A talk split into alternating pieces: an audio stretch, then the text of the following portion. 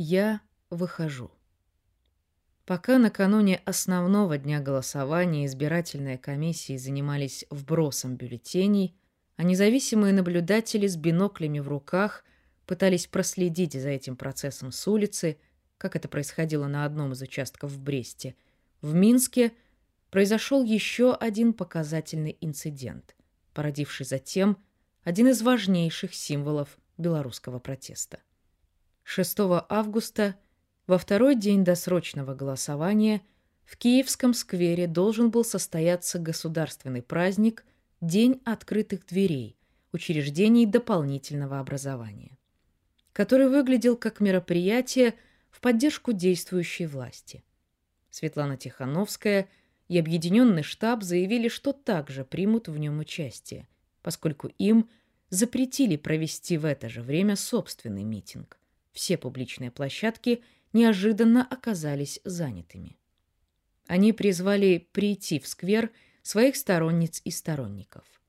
Около 19.00, когда объединенный штаб и несколько сотен белорусов собрались там, из колонок зазвучала песня «Перемен» Виктора Цоя, один из символов советской перестройки. Ее включили два звукорежиссера Минского дворца детей и молодежи – Кирилл Галанов и Владислав Соколовский. Стоя за пультом, диджеи перемен, как назовут их в ближайшие часы, подняли вверх руки с белыми лентами и браслетами. Молодые мужчины понимали, чем грозит им этот поступок, и уже в интервью с места событий сказали, что только что потеряли работу. Свой поступок они мотивировали нежеланием подыгрывать властям в нечестной игре с обществом. Видео с диджеями перемен облетело сайты и телеграм-каналы. Сами они были задержаны этим же вечером и на следующий день осуждены на 10 суток ареста за хулиганство и неподчинение властям. Часть срока мужчины провели в карцере. В камеру к Владиславу Соколовскому приходил замминистра внутренних дел. Он угрожал и несколько раз его ударил. Для поддержки оставшихся без работы звукорежиссеров был запущен краудфандинг. Для них собрали 42 тысячи рублей. В конце августа оба уехали из Беларуси, так как один из них был снова задержан, и в его адрес прозвучали угрозы. Властям не давало покоя неповиновение сотрудников государственного учреждения. И это же – стала одной из причин огромной симпатии к диджеям перемен по всей Беларуси. Площадь перемен и дворы республики. 12 августа. В тот же день, когда женщины образовали первую цепь солидарности у Комаровского рынка, в одном из минских дворов по улице Червякова началась локальная активность.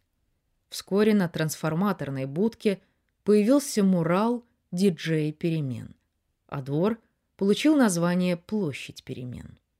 Мурал был создан по мотивам плаката Дмитрия Дмитриева, который нарисовал его уже на следующий день после включения Кириллом Галановым и Владиславом Соколовским песни Цоя в Киевском сквере. Этот мурал стал местом консолидации дворового сообщества, а также его столкновений с милицией, ОМОНом и людьми без опознавательных знаков. Представители силовых структур снова и снова приезжали сюда, чтобы закрасить мурал, но жители двора вновь его восстанавливали. Со временем там появились и другие формы активности. Выступления музыкантов, актеров, поэтов, чтение лекций, проведение праздников для детей и совместных чаепитий, что во многом стало толчком к аналогичным активностям во многих других дворах и не только в Минске. Появились также площадь Марии Колесниковой и сквер Нины Богинской. Жители дворов, которые не были знакомы друг с другом, объединялись в телеграм-чаты.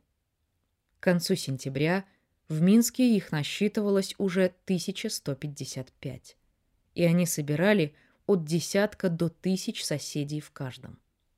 Информацию о своем чате можно было найти на специальном сайте с картой «Де чат» – размова с суседями. За чатами последовали новостные каналы дворовых сообществ. Они же начали печатать газеты для информирования соседей, не пользующихся интернетом. Появилась дворовая символика – флаги. Белорусский поэт Дмитрий Строцев назвал эти дворовые сообщества дворами-республиками. Еще недавно, по его словам, городские дворы в белорусских спальных районах были местами отчуждения. И вдруг 9 августа люди встретили своих незнакомых соседей на выборных участках как единомышленников, одетых в одежду политического цвета, с белыми браслетами на запястьях, складывающих бюллетени для голосования гармошкой. Оказалось, что все они отдают свои голоса за Тихановскую, за страну для жизни без Лукашенко. Соседи заговорили между собой на новом, предельно понятном для всех языке страдания, возмущения и солидарности. Властный отказ обществу в вертикальной, представительной демократии дал колоссальный импульс для стихийного становления горизонтальной прямой демократии прямо во дворах, в подъездах и на лестничных площадках Беларуси. Утром 15 сентября силовики задержали жителя площади перемен, 40-летнего арбориста Степана Латыпова, который дежурил у мурала с диджеями. Против него было заведено уголовное дело. Вскоре он был признан политическим заключенным.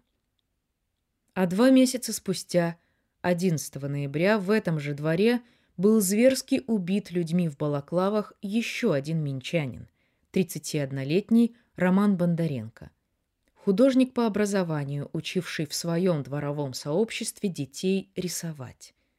Вечером он спустился во двор, чтобы защитить бело-красно-белые ленточки, которые приехали срезать силовики.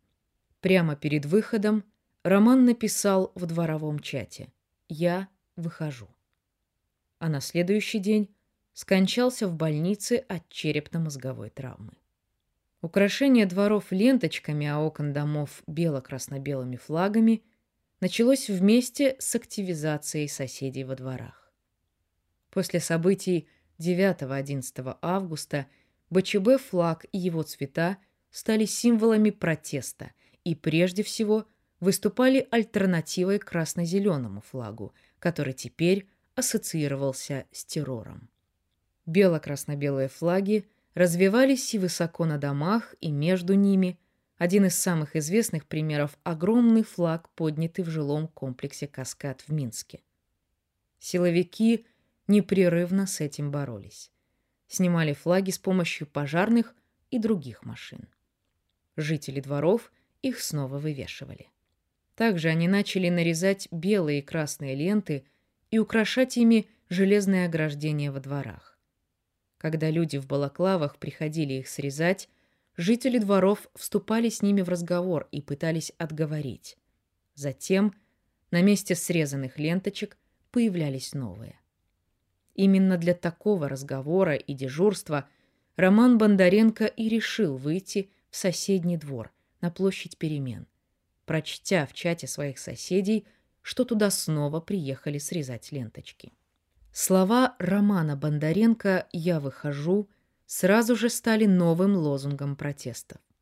А Анна Редько, авторка плаката с Марией Колесниковой «Родина Маш зовет», посвятила роману свою новую работу.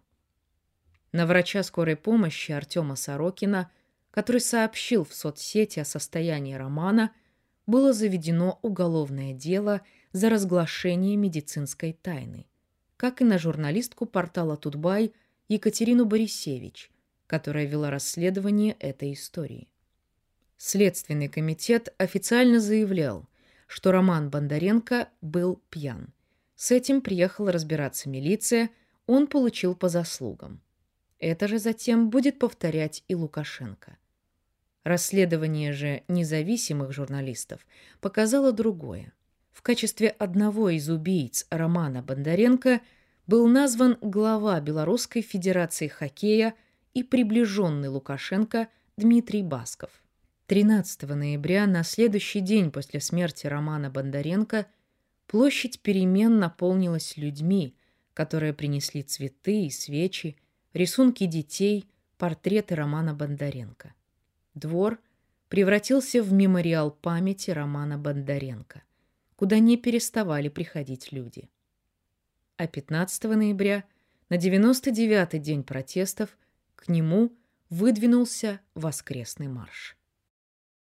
«Стреляйте!» Колонна протестующих должна была пройти от станции метро Пушкинская, место смерти Александра Тарайковского, первого погибшего участника мирных августовских протестов, где предполагалось возложение цветов, до площади перемен. В это воскресенье интернет в Минске перестал работать уже в 9 часов утра. Также с самого утра были перекрыты многие станции, а в районе метро Пушкинская – в точке начала марша начались разгоны людей с применением светошумовых гранат и слезоточивого газа. Тем не менее, несколько тысяч человек добрались до площади перемен, куда приехало столько же силовиков. Последние снова применяли светошумовые гранаты, когда люди в сцепке защищали мемориал, а кто-то выходил навстречу вооруженным ОМОНовцам с поднятыми руками и словами «Стреляйте!». Подобное происходило и на предыдущих маршах. Силовикам все же удалось разогнать людей. Правозащитники сообщали о задержании минимум 1268 человек по всей Беларуси. В это воскресенье люди вышли не только в Минске, но и в Гомеле, Бресте, Гродно, Витебске, Жлобине, Барановичах, Новогрудке и Ляховичах. На многих, включая журналисток и журналистов, были заведены уголовные дела. После разгона часть протестующих была вынуждена спрятаться у жителей домов вокруг площади перемен. Силовики при этом не уезжали. Ходили по дворам, дежурили у подъездов, проверяли регистрацию по паспортам. Так продолжалось до утра понедельника. В результате от 100 до 200 человек пережили то, что им рассказывали бабушки о войне и оккупации. 15 человек лежали в темноте на полу, не двигаясь. Воздуха не хватало, и все это время без еды. За происходящим я следила из Вильнюса, где находилась уже полмесяца. Глубокой ночью мои друзья начали писать мне и моим коллежанкам по фемгруппе с просьбой связаться с послами стран ЕС в Минске, чтобы те утром приехали на площадь перемен и позволили людям выйти из их ночных укрытий.